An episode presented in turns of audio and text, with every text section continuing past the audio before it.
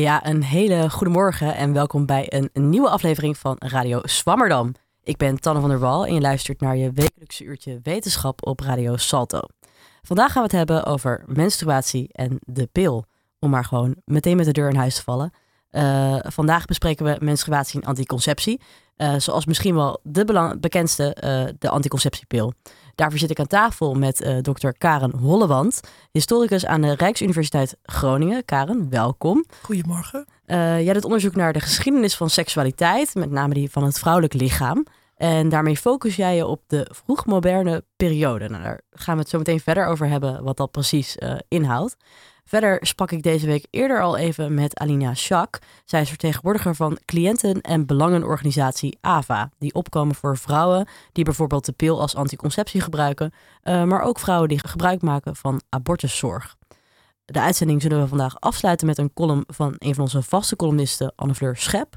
En vandaag word ik vergezeld door co-redacteur Thomas Verhagen. Welkom allemaal. Um, ik zou nu zelf een hele lange introductie kunnen houden over het aanhoudende taboe rondom menstruatie. Het uh, schroom van vrouwen om het hierover te hebben. Uh, de pil, het medicijn dat voor zoveel vrouwen maar gewoon geslikt wordt. Uh, of um, de steeds groter wordende menstruatiearmoede. Maar om dit beter te schetsen wil ik graag het woord geven aan onze gastcolumnist van vandaag. En dat is Corine van Zweden. Zij is auteur en schreef eerder al het boek Borsten, de levensloop van een intiem lichaamsdeel. En dat bespraken wij twee jaar terug ook in een van onze uitzendingen. Recentelijk schreef zij samen met gynaecoloog Marlies Bongers de biografie van de baarmoeder. En speciaal voor deze uitzending schreef zij een column. Uh, laten we luisteren. Opoe is op bezoek. Het is de tijd van de maand weer. De rode vlag hangt uit of de tomatensoep is overgekookt. Het zijn zomaar een paar voorbeelden uit de lijst met tientallen eufemismen die in Nederlandse al worden gebruikt om de menstruatie mee aan te duiden. Dat soort verhullende taal vind je overal. Wereldwijd blijken er zelfs meer dan 5000 verschillende eufemismen voor de maandelijkse bloedingen in omloop te zijn. Denk bijvoorbeeld aan de Engelse uitdrukkingen, die je ook in Nederland steeds vaker hoort, zoals The Curse, Shark Week of Bloody Sunday. Alles beter, zo lijkt het, dan die vijf dagen per maand dat er gebloed wordt, gewoon maar bij de naam te noemen. De menstruatie blijkt anno 2022 in een modern land als Nederland nog steeds een taboe te zijn. Over het maandelijkse bloedverlies en wat daar zo al bij kan horen aan pijn en ongemak wordt nauwelijks gesproken, of alleen maar fluisterend of in verhullende taal. Die geheimzinnigheid is overal, Hoezo wordt er in advertenties voor maandverband en tampons nog steeds blauwe vloeistof gebruikt om te bewijzen dat het materiaal zo goed kan absorberen? Waarom leggen we een pakje papieren zakdoeken rustig op ons bureau, maar wordt een doosje tampons angstvallig verstopt? En hoe komt het dat een foto met een menstruatievlek in een pantalon op Instagram onmiddellijk verwijderd wordt? Het taboe op menstruatie blijkt ook uit allerlei cijfers. 51% van de mannen in Nederland vindt het gênant om openlijk over menstruatie te praten. 40% van de vrouwen gebruikt wel eens een smoes om een afspraak af te zeggen, omdat ze liever niet wil benoemen dat ze zich beroerd voelt vanwege haar menstruatie. En 37% van de jongeren vindt menstruatie vies. Sommigen gebruiken zelfs het woord walgelijk. Tegelijkertijd moeten we vaststellen dat menstruatie doodnormaal en bijzonder alledaags is. Wie een baarmoeder heeft, gaat tijdens de vruchtbare jaren gemiddeld ruim 400 keer door een menstruatiecyclus heen. Alleen al in Nederland leven er op dit moment zo'n 4,25 miljoen inwoners die geregeld menstrueren. We horen of zien daar intussen weinig van, en dat er wel zo'n menstruatie in veel gevallen niet pijnloos is en bovendien kan zorgen voor allerlei ongemak. Uit onderzoek blijkt dat zeker 2 miljoen vrouwen in Nederland elke maand opnieuw in meer of mindere mate pijnklachten ervaren vanwege hun menstruatie. 500.000 van hen noemen de menstruatie zelfs een heel heftig probleem. Velen kampen elke maand met hevige of zeer hevige pijn, of ze hebben last van extreem bloedverlies, of ze reageren slecht op de hormonale schommelingen. Soms is er een baarmoederaandoening in het spel, zoals endometriose, myomen, een afwijkend gevormde baarmoeder of een hormonaal syndroom als PCOS. Je zou denken dat artsen de handen vol hebben aan al die aan menstruatie gelieerde problemen, maar dat blijkt niet echt het geval te zijn. Jaarlijks gaat slechts 1 op de 20 vrouwen naar de huisarts vanwege menstruatieproblemen. En als een vrouw die stap eindelijk zet, blijkt maar al te vaak dat ze al jaren heeft rondgelopen met soms ernstige klachten voordat ze aan de bel durfde te trekken. Hoe kan dat? Het zal zeker met schaamte en gêne te maken hebben, maar misschien ook met onbekendheid. Van jongs af aan hebben vrouwen de boodschap gekregen dat pijn en ongemak nu eenmaal bij menstruatie horen, dat je daar vooral niet te veel aandacht aan moet besteden en al helemaal niet over moet zeuren. Als een vrouw eindelijk de moed heeft verzameld om naar een arts te stappen, betekent dat in lang niet alle gevallen dat de klachten ook worden gehoord. Vaak worden vrouwen naar huis gestuurd om het simpele adviezen als een warme kruik, een kopje thee of een paracetamolletje het eerst maar eens even aan te zien. Voor de een is dat misschien genoeg, maar wie een serieuze aandoening heeft, zoals bijvoorbeeld endometriose, schiet daar weinig mee op. En dat terwijl endometriose bij 1 op de 10 vrouwen in de vruchtbare leeftijd voorkomt. Dat taboe op menstruatie betekent dus niet alleen dat we te maken hebben met onnodig veel schaamte en gêne over een alledaags fenomeen, maar ook dat mensen met serieuze menstruatieproblemen jarenlang met hevige pijn rond blijven lopen, terwijl er vaak goede medische oplossingen voor hen bestaan. Hoog tijd dus om te praten, niet over de keurs, de rode vlag of de tomatensoep, maar gewoon over menstruatie, over pijn en ongemak, over doorlekken en chagrijn en over bloed dat niet blauw is, maar rood. Ja, dat was een hele mooie column van Corine van Zweden. Uh, het boek De biografie van de baarmoeder ligt inmiddels in de winkel en is voor iedereen beschikbaar die interesse heeft. Um, ik denk dat hier voor veel vrouwen best wel herkenbare momenten in zaten. Wat eigenlijk gek is dat we daar dus inderdaad zo weinig bij stilstaan. Want het feit dat het inderdaad misschien gênant is als er een tampon je tas uitrolt, is natuurlijk eigenlijk te gek voor woorden. Ook al is misschien een gewaarwording waar ik mezelf ook nog wel eens op betrap. Um, is er iets wat er voor jou uitsprong, Karen? Nou, wat er voor mij uitsprong bijvoorbeeld is dat ze zei dat nog steeds uh, sommige jongens zeggen dat ze het zelfs walgelijk vinden. Um, want dat komen we eigenlijk ook in de geschiedenis al uh, heel regelmatig tegen. En het is eigenlijk bizar dat dat vandaag de dag nog steeds zo is en nog steeds niet veranderd is. Uh, op dat gebied. Uh, dus ja, ik ben het er helemaal mee eens. Zoals als endometriose bijvoorbeeld. Dat kan zeven tot acht jaar duren voordat dat wordt uh, vastgesteld. En als één op de tien vrouwen dat heeft, dan is het gewoon ja, verschrikkelijk dat je daar zo lang mee rondloopt voordat dan gezegd wordt: dit is wat je echt hebt. Je hebt geen depressie, je, bent niet, je stelt je niet aan. Je hebt gewoon een echte ziekte. Dus heel herkenbaar. Ja. Thomas, waar denk jij aan bij menstruatie? Ja, ik vind het ook heel bijzonder om te horen dat er zoveel taboe is. Dat merk ik ook wel echt uh, om me heen. Ja, er zijn heel veel vrouwen die er dus ook inderdaad heel uh, ontslachtig over doen. Excuses bedenken. En dat, ik, vind dat, ik vind dat jammer. En ik vind dat dat zeker meer over gesproken mag worden. En daarom vind ik het ook heel goed dat we deze uitzending maken vandaag. Nou, top. Um, Karen, we gaan uh, naar jouw onderzoek. Uh, jij doet onderzoek naar wetenschappelijke publicaties, onder andere over vrouwelijke seksualiteit in de vroegmoderne tijd. Um, even korter specificatie, zodat we dat nu vanaf het begin duidelijk hebben. Wat houdt die vroegmoderne periode in? Nou, daar kunnen we het al een uur over hebben. Maar in het algemeen zien we dat als de 16e, 17e, 18e eeuw. Dus dat is hier in Nederland als de vroegmoderne periode. Dus eigenlijk alles ja, vanaf de renaissance tot de Franse revolutie. Kijk. Um, maar misschien een betere vraag, uh, want het is best wel een specifiek onderwerp. Hoe ben jij hier nou bij gekomen? Ja, daar ben ik een beetje ingerold, zoals het vaak gaat in de wetenschap. Ik heb dus geschiedenis gestudeerd en altijd vroegmoderne geschiedenis gedaan, maar daarbinnen cultureel, sociaal, economisch allerlei dingen bekeken. En um, zo kwam ik uiteindelijk in Oxford terecht, waar ik met uh, iemand gewerkt heb over de ideeën van Bernard Mandeville. Dat is een Engel, Engels-Nederlandse uh, dokter en die schreef onder andere ook over prostitutie. En zo ben ik een beetje bij seksualiteit terechtgekomen. En toen wilde ik graag gaan promoveren. Ik had geen onderwerp. En toen uh, had ik een gesprek met um, professor culturele geschiedenis in Utrecht, Wijnand Mijnhart. En die zei, nou ja, als je seksualiteit interessant vindt, heb je dan wel eens van Hadriaan Beverland gehoord? Um, en daar heb ik uiteindelijk mijn PhD over geschreven. Dat is een, um, een humanist, Nederlands humanist, eind 17e eeuw. En die is uh, verbannen door de uh, Universiteit van Leiden vanwege zijn radicale ideeën over seksualiteit. Um, en hij zegt eigenlijk dat uh, seks de erfzonde is en dat we meer seksuele vrijheid moeten hebben. En daar waren ze niet zo blij mee in Leiden. Dus toen, dan wordt hij Holland en Zeeland uitgegooid. En dat is heel uniek in die tijd. En in mijn PhD heb ik uitgezocht waarom hij precies verbannen is. Wat, hij, wat zei hij dan precies wat zo radicaal was. En zo ben ik eigenlijk ja, gefascineerd geraakt door uh, de wetenschappelijke studie van seksualiteit in die periode. Want als we zijn ideeën bekijken, zouden die nu nog steeds als radicaal worden gezien? Of was hij gewoon zijn tijd een beetje hij was zijn tijd vooruit. Maar hij is, ja, eh, wat, nog, wat nu eruit zou springen is dat hij het alleen voor mannen wil. En alleen voor de mannelijke elite, die seksuele vrijheid. Maar hij wil gewoon, hij zegt iedereen doet het. Dus waarom uh, mag het alleen in het huwelijk? We moeten daar veel vrijer mee omgaan. Uh, dus nee, dat is nu absoluut niet radicaal meer. Nee, hij was zijn tijd vooruit wat dat betreft. Ja.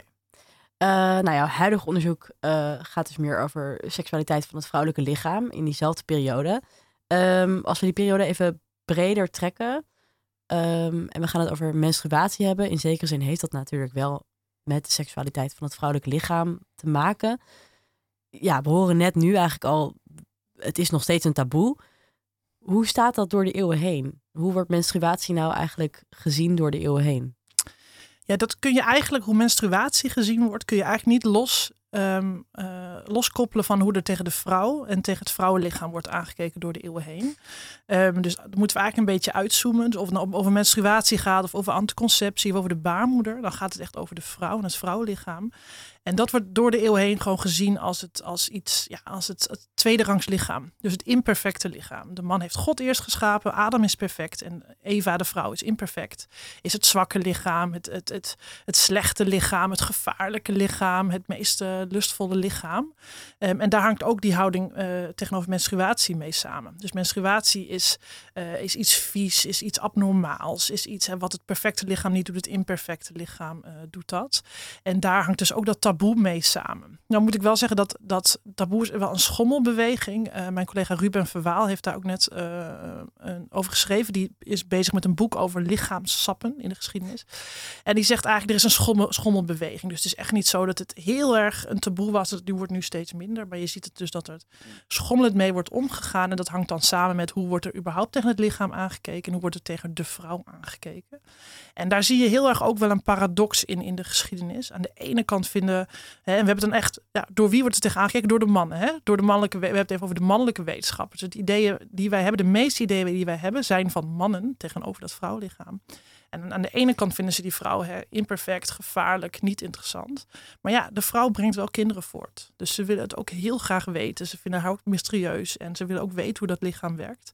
En we zien dat ook met uh, menstruatie naar voren komen. Dus aan de ene kant is het vies en soms zeggen ze het is giftig. En de vrouw moet weg uit het huis en ze mag niks aanraken. En alles, alles gaat verdorren als ze iets aanraakt. Maar aan de andere kant, ja, ze weten dat het iets met, met voortplanting te maken heeft. Dus ze willen ook heel graag weten hoe dat zit met menstruatie.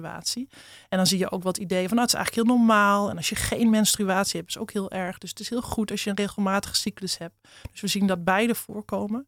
En dat taboe hangt daar heel erg mee samen. Dat het toch voor de vrouw iets is om je voor te schamen. Want het is toch, ja, hangt, hangt samen met je vrouw zijn en dus met je abnormaal zijn eigenlijk. Want vanaf wanneer weet men dat het iets te maken heeft met vruchtbaarheid?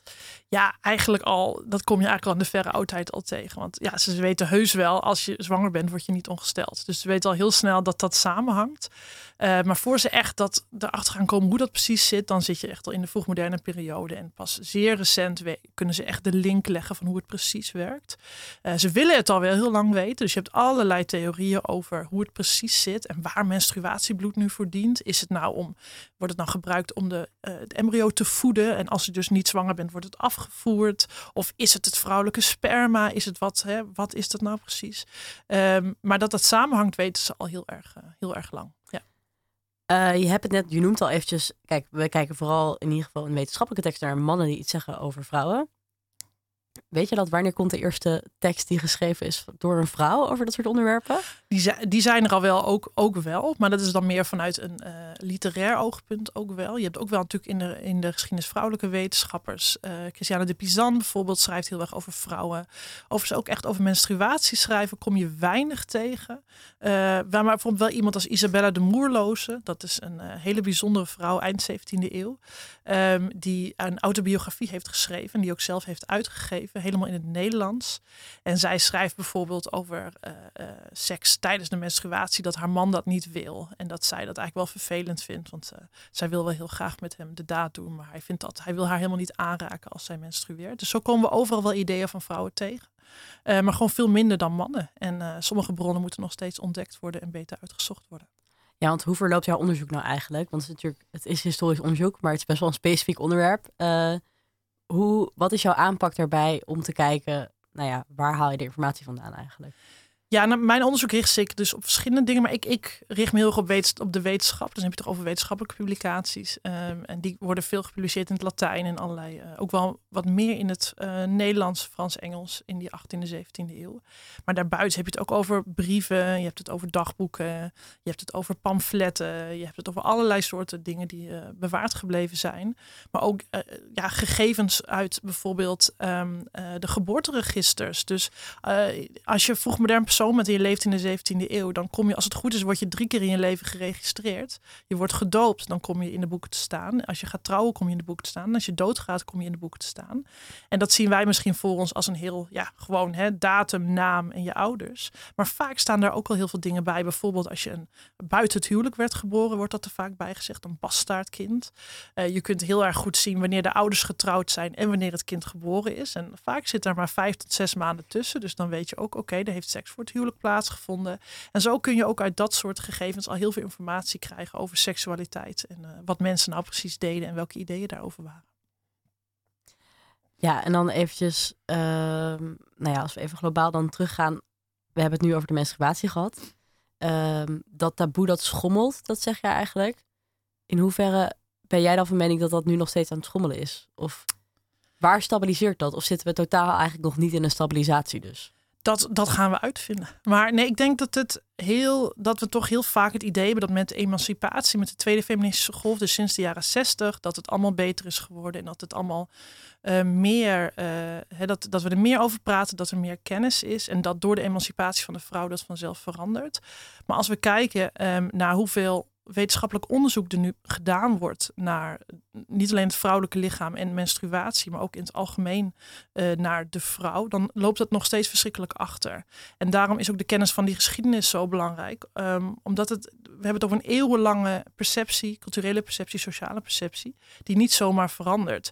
Um, en uh, nog mijn collega Ruben Verwaafd over geschreven. Die heeft onderzoek gedaan. Die heeft gezegd, nou, tussen 2010 en 2020 zijn er 100.000 artikelen verschenen over bloed in het algemeen in wetenschappelijke publicaties.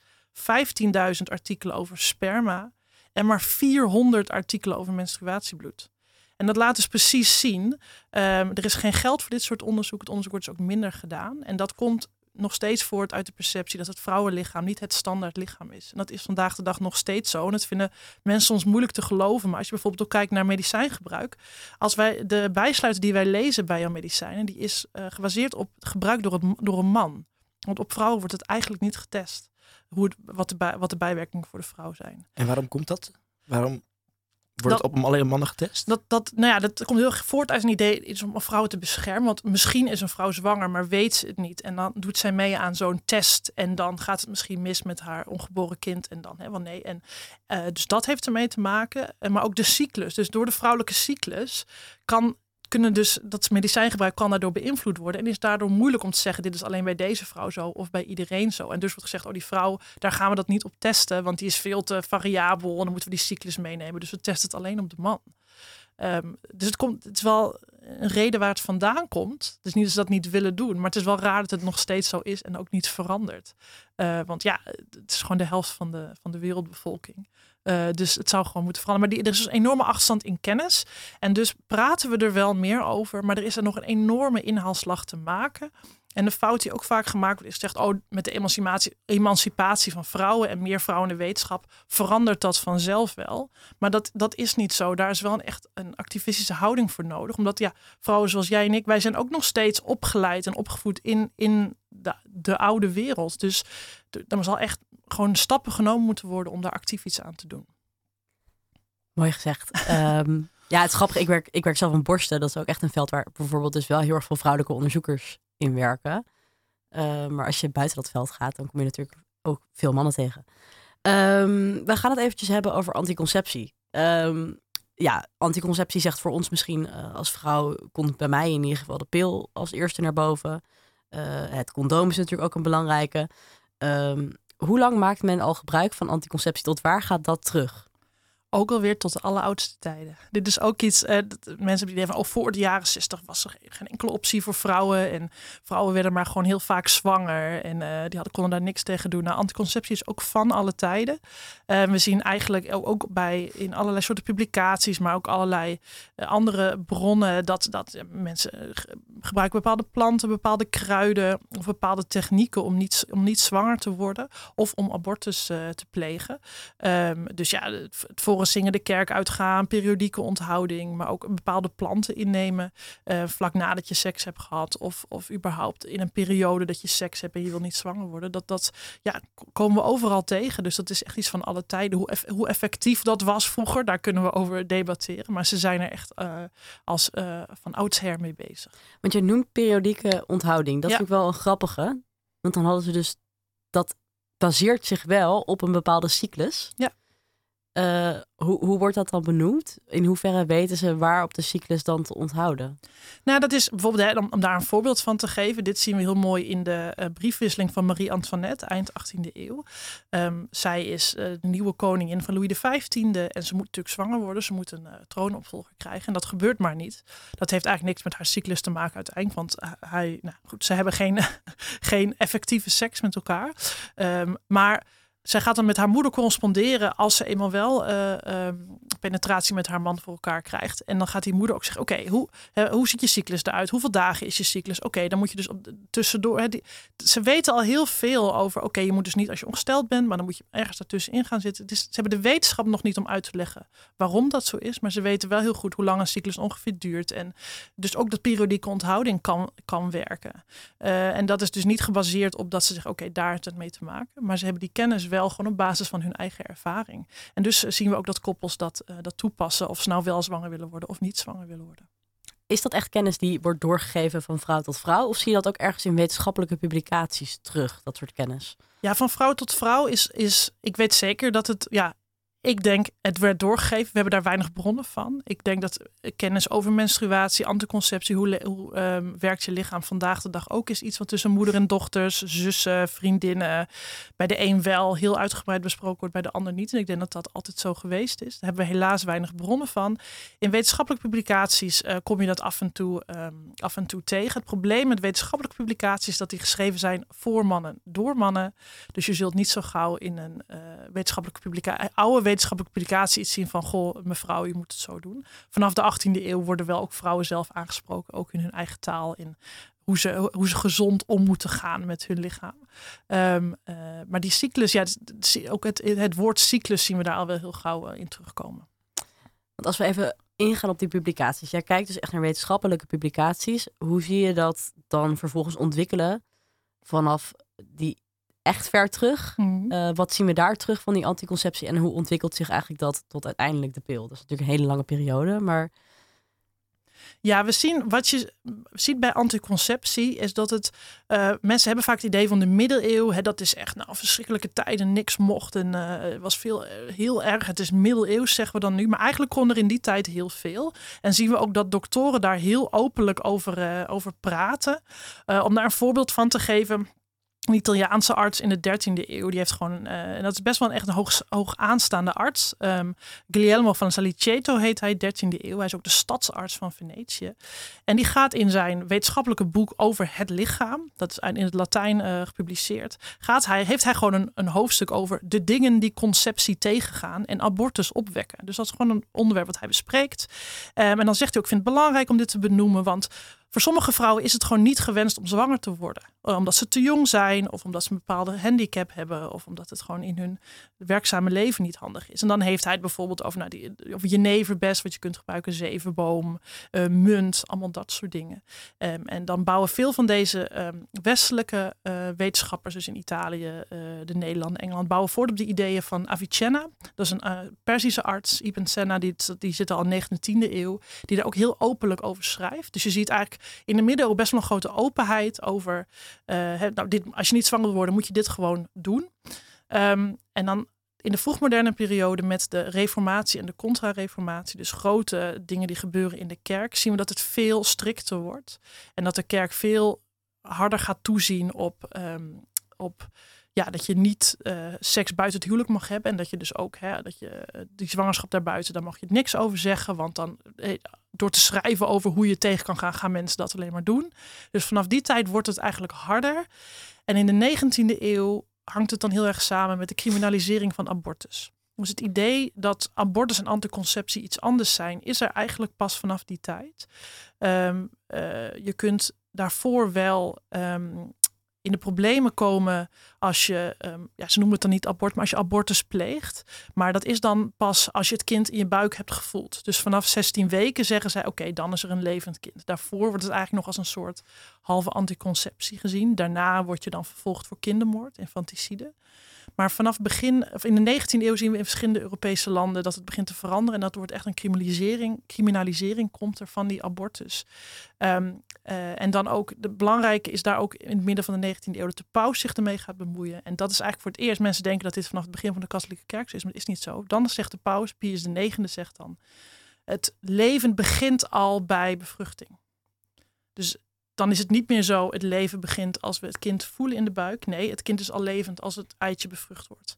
En dan wordt dus ook door de kerk uh, heel duidelijk vastgesteld, oké, dus dan is ook anticonceptie of vroege abortus is eigenlijk al strafbaar of ook uh, zonderlijk.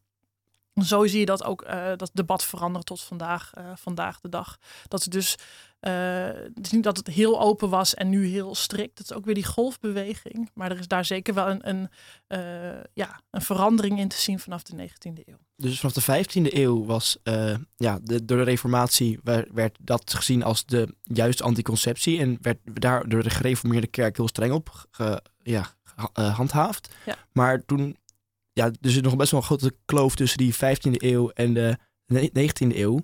Uh, ja, hoe, dus de katholieke kerk is daar dus wel nog heel vrij in geweest in die tijd, of niet? Ja, dat is moeilijk. Het is heel moeilijk te zeggen. Want we hebben natuurlijk de officiële, hè, je hebt de Council van Trent en dan je hebt de officiële statuten van de kerk. En dan heb je wat er, wat er echt gebeurt mm -hmm. in de samenleving. En we merken dus dat, um, um, en dat, kijk, de kerk is natuurlijk tegen seks voor het huwelijk, moet je altijd vermijden. En we weten dat heel veel voorkomt, moet je vermijden. En dus ook, ja, we moeten, moet dus ook niet mensen vertellen van, oké, als je een condoom gebruikt of als je die kruiden gebruikt, kan het wel. Um, maar wat daarmee samenhangt is dat we zien dat uh, vanaf, vanaf uh, late middeleeuwen worden doktoren op universiteiten opgeleid.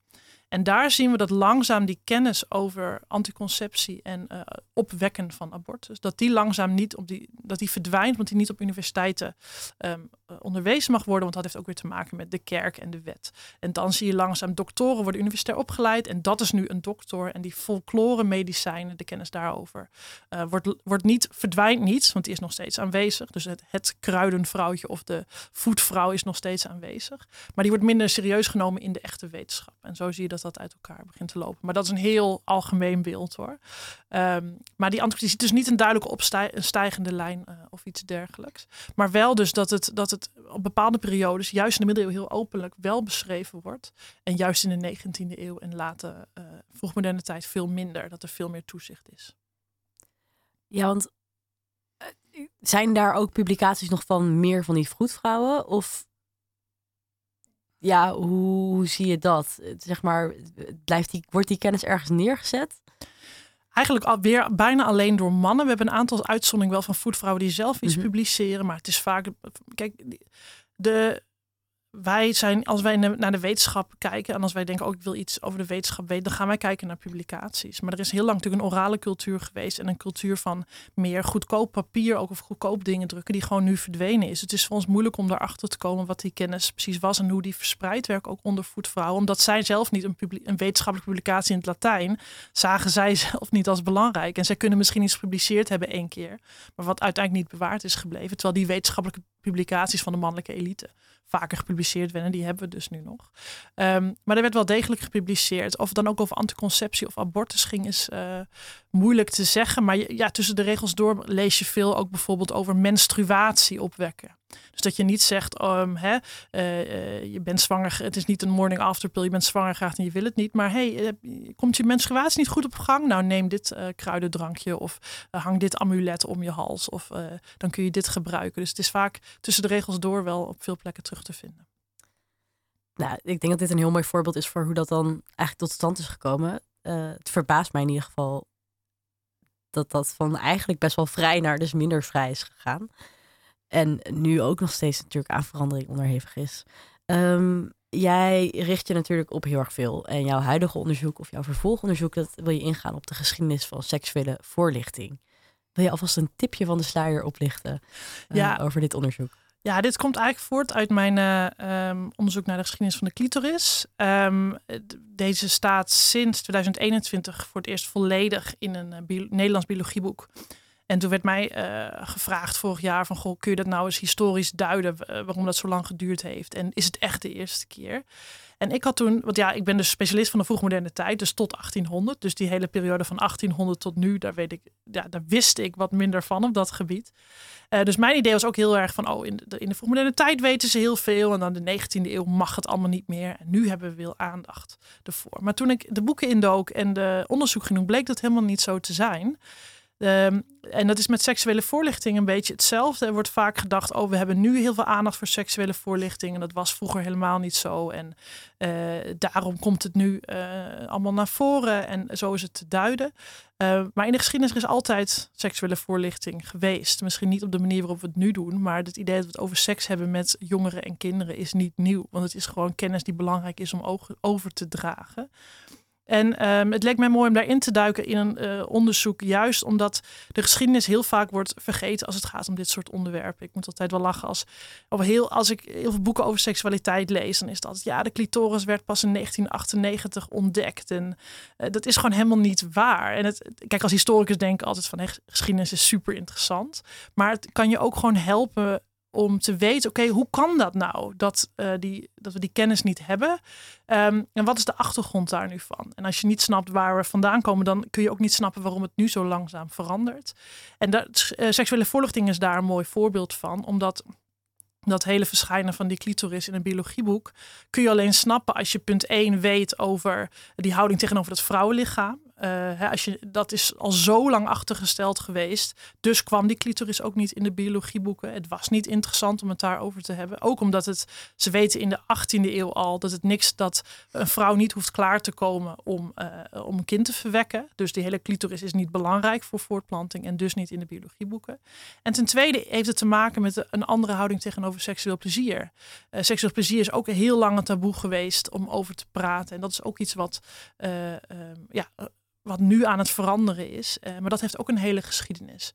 Um, en ja, die seksuele voorlichting, uh, dat is eigenlijk iets wat vanaf de late 19e eeuw um, wordt besproken. Waar moet het gebeuren? Door wie moet het gebeuren? Als het dan op school gebeurt, uh, hoe moeten we dat dan aanpakken? Juist op, in religieuze kringen wordt dit openlijk besproken. hoe ze dit moeten doen. En het is een hele interessante verhaal, denk ik, om te vertellen wat daar precies gebeurt. Nou, heel boeiend. Ik kijk nu al uit naar dit onderzoek. Misschien uh, in een latere uitzending dat we het daar een keer over kunnen hebben. Um, ik wil eventjes naar onze volgende gast van vandaag. En uh, die sprak ik eerder deze week, want die is lekker een weekendje weg. Um, en ik uh, sprak Alina Schack en zij is vertegenwoordiger van cliënten- en belangenorganisatie AVA. Een organisatie die zich inzet voor gebruikers van anticonceptie en abortuszorg. Um, ik vroeg haar allereerst eigenlijk wat zij als organisatie uitdragen. En misschien wel belangrijker, uh, voor wie zijn zij er? Nou, laten we luisteren naar haar antwoord. AVA is uh, een stichting, dus dat dat is de officiële vorm. Maar wij zijn ehm, een cliëntenorganisatie. Dus wij vertegenwoordigen eigenlijk de gebruiker die um, gebruik maakt van anticonceptie en abortuszorg. Nou, nu zijn dat eigenlijk heel veel mensen, want heel veel mensen in Nederland gebruiken anticonceptie. Dus dat is een hele grote groep. Dus in die zin is het echt een belangenorganisatie. Wij zijn wel bezig met onderzoeken of wij echt kunnen aangemerkt worden als een patiëntenvereniging. Dus daarvoor zijn we nu in gesprek met de Patiëntenfederatie. Um, en dat is best wel gek, want de gebruiker van anticonceptie is geen patiënt.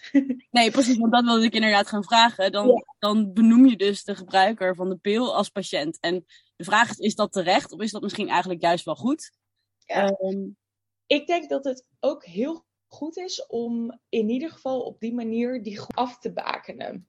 Want op dit moment is er ook geen. Er, voor AVA was er ook geen belangenorganisatie um, die echt solely opkwam voor de belangen van die groep. Dus ja, je had een heel, je, had een heel landschap aan de pharma. Hè? Je hebt artsen, je hebt de medische wetenschap. Nou, je hebt de politiek, die vindt er ook iets van. Maar er was nog geen groep die gewoon achter de gebruiker staat. Dus op die manier die groep afbakenen als, nou, dat zijn in ieder geval cliënten, die krijgen deze zorg of die krijgen deze middelen en die moeten ook goed vertegenwoordigd worden in de politiek, maar ook de medische wetenschap. Um, op dit moment, uh, als het over anticonceptie gaat, dan zitten de gebruikers nog niet aan tafel. En dat is zo zonde. En dat is ook echt ons doel. Dus als het daarover gaat, dan weten wij wat er speelt, want wij hebben het opgehaald bij de groep gebruikers. Zo moet je AVA echt zien.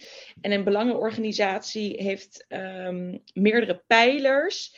Vaak zijn dat ook een beetje dezelfde pijlers. Dus wij doen dat ook. We informeren, we luisteren en we spreken. Dus het informeren, dat doen we voor nu op onze website. Uh, we proberen daar um, informatieve artikelen te plaatsen. Um, daarvoor werken we ook samen met kennispartners daar, we willen ook wat mythes ontkrachten of hè, wat taboes bespreken. We, luisteren, dus we halen ook echt op bij gebruikers wat er speelt. Dat doen we voor nu in de eikwijt-sessies. Dat zijn sessies waar um, onze leden heen kunnen.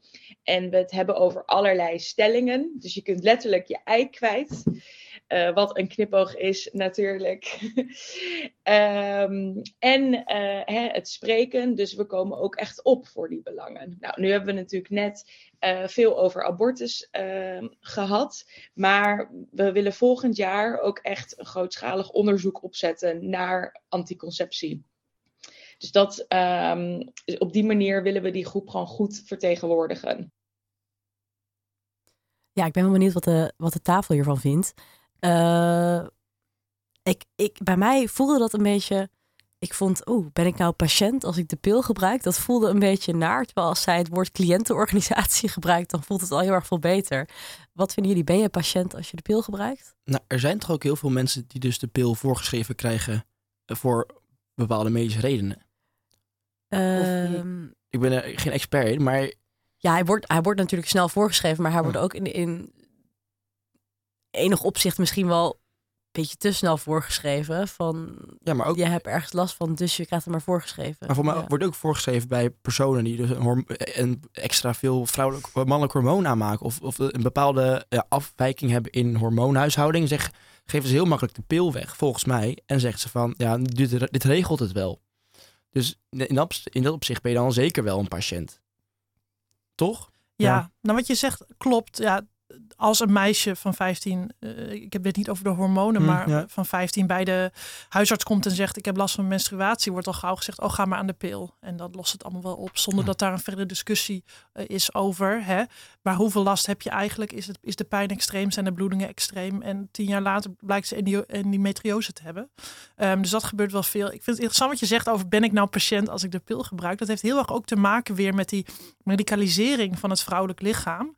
Um, en ook met de vraag, moeten we menstruatie zien als een ziekte?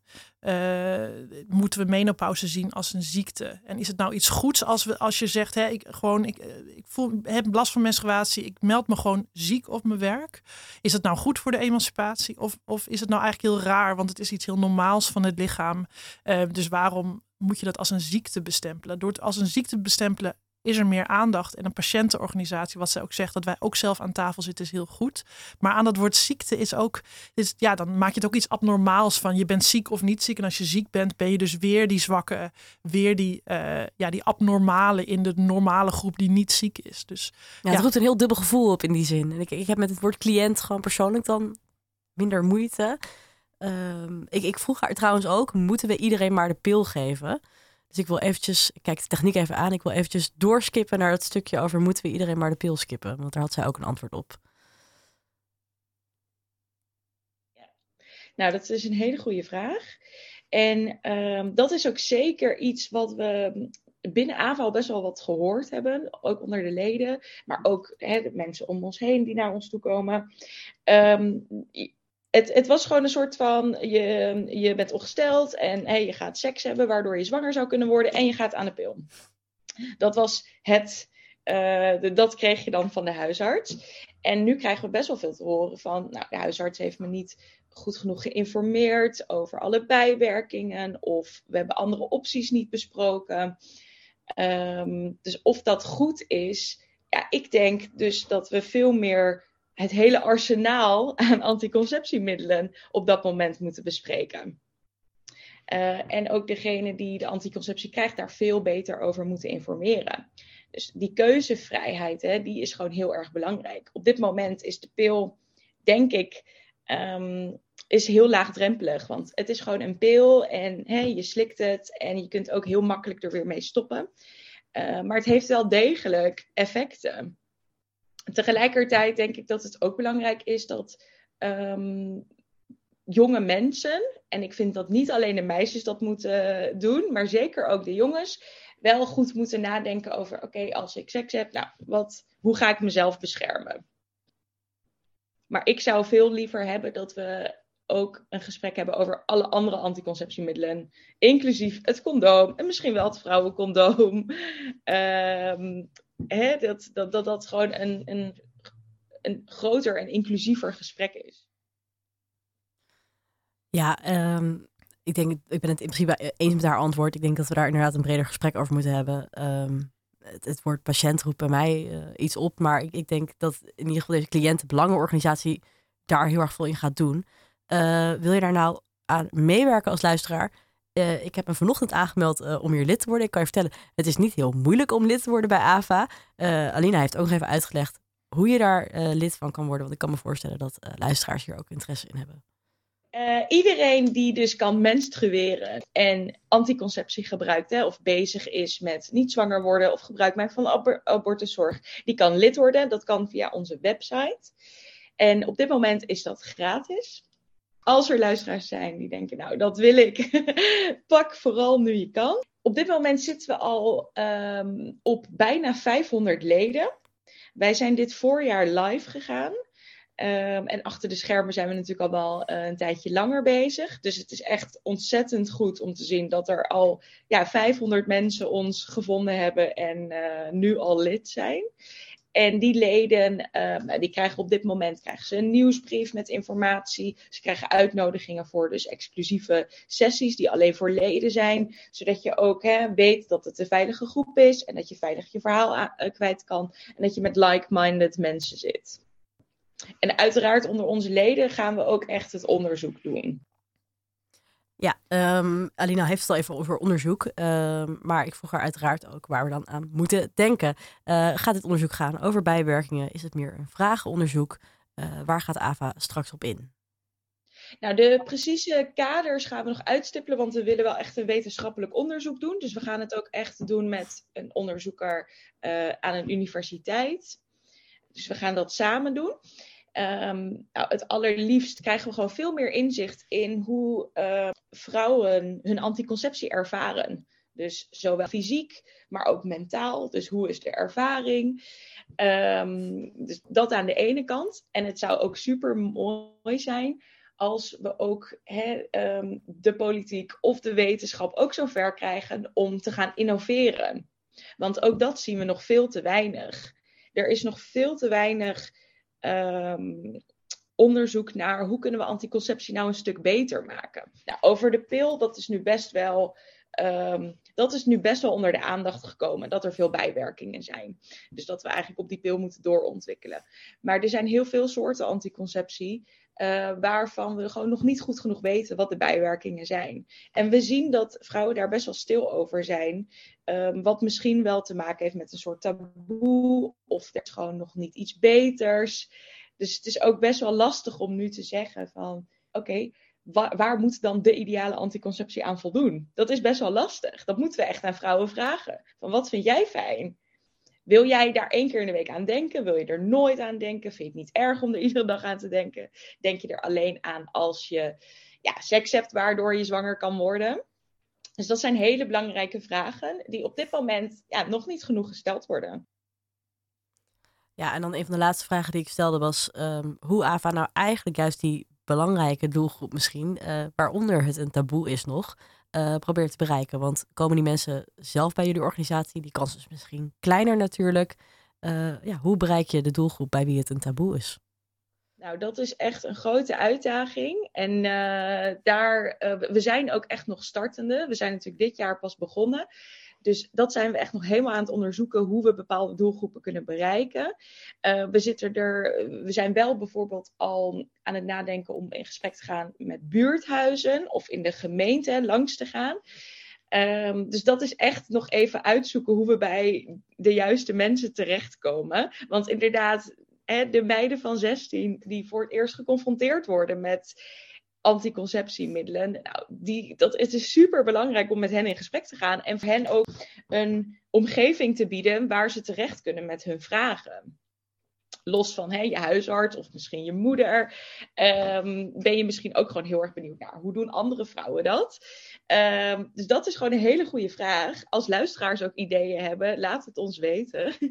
um, en dat, daar gaan we zeker veel aandacht in stoppen. Ik denk dat, dat het een combinatie moet worden van bij scholen langs gaan of bij gemeenten langs gaan. Kijken waar de doelgroep zich bevindt en wat ze interessant vinden. En daar het gesprek uh, met ze aanknopen. Want persoonlijk is het voor mij ook echt waarom ik betrokken ben geworden bij AVA. Is juist ook voor de volgende generatie. Ik ben nu 27, dus voor mij is het nou ja, niet te laat. Maar uh, voor mij is het natuurlijk dat moment dat ik zeg maar opgroeide en begon met seks en anticonceptie, dat is al geweest. En ik denk dat het heel belangrijk is dat we het voor de volgende generatie gewoon beter maken. Ja, ik ben het hier helemaal mee eens. Uh, je kunt lid worden van AVA. Dat doe je uh, via www.avahelpt.nl. Eh, je zult dan op de hoogte worden gehouden van hun onderzoeken, maar ook uitgenodigd worden voor gesprekken. Uh, wil je nog niet lid worden, maar wel meepraten? Ook dat kan. Regelmatig stelt AVA op Instagram vragen via AVA helpt. En uh, ook daar uh, vertelde Alina nog een kort iets over. Zo hebben we laatst vragen gesteld over, nou, hoe was jouw ervaring met het plaatsen of het verwijderen van de spiraal? En mhm. daar hebben we bijna 200 reacties op gekregen. Dus dat leeft ontzettend. En daar hebben we ook allemaal op gereageerd. En al die ervaringen, nou, daar gaan we ook echt iets mee doen. Um, dus voor, uh, hè, je kunt niet alleen lid worden, maar je kunt ons ook echt bereiken voor nu via Instagram en meedoen aan het gesprek. En dat is ook wel echt wel leuk om te zien. Mensen reageren ook op elkaar. En um, ja, het is gewoon heel mooi om te zien dat mensen steun aan elkaar vinden en weten, ik ben niet alleen in deze issues.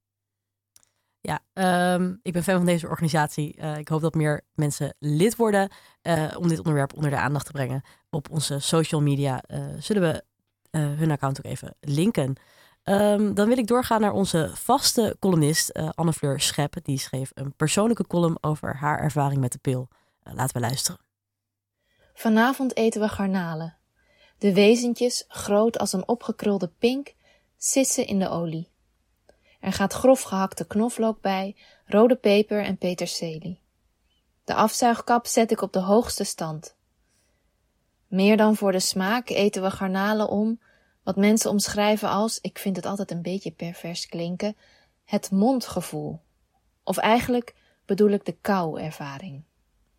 Ik zet graag mijn tanden in hun weerbarstig, weerstandig, gummiachtig, knapperige vlees. Ik hou van weerstand, van dat verende gevoel. Ik schud de pan, zodat ze opspringen. Mijn vriend dekt de tafel.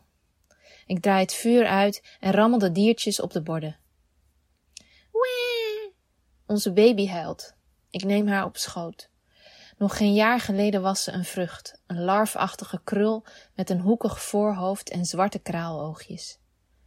Ik heb me laten vertellen dat alle zoogdieren zo beginnen: mens, hond, zebra. In den beginnen zijn we garnalen, allemaal. Garnalen in een zoete zee. Voordat ik een kind wenste, voordat ik zorgde voor een warm thuis, stabiel hart en financiële grond, slikte ik de pil. De strip lag op het plankje boven de wastafel. De ronde tabletjes waren omsloten door elk een eigen plastic koepeltje. Naast zo'n koepel stond, piepklein, de dag van de week gedrukt. Het geheel had iets weg van een adventskalender. Gezellig wel. Maar op een dag las ik over vissen. Toen ben ik gestopt.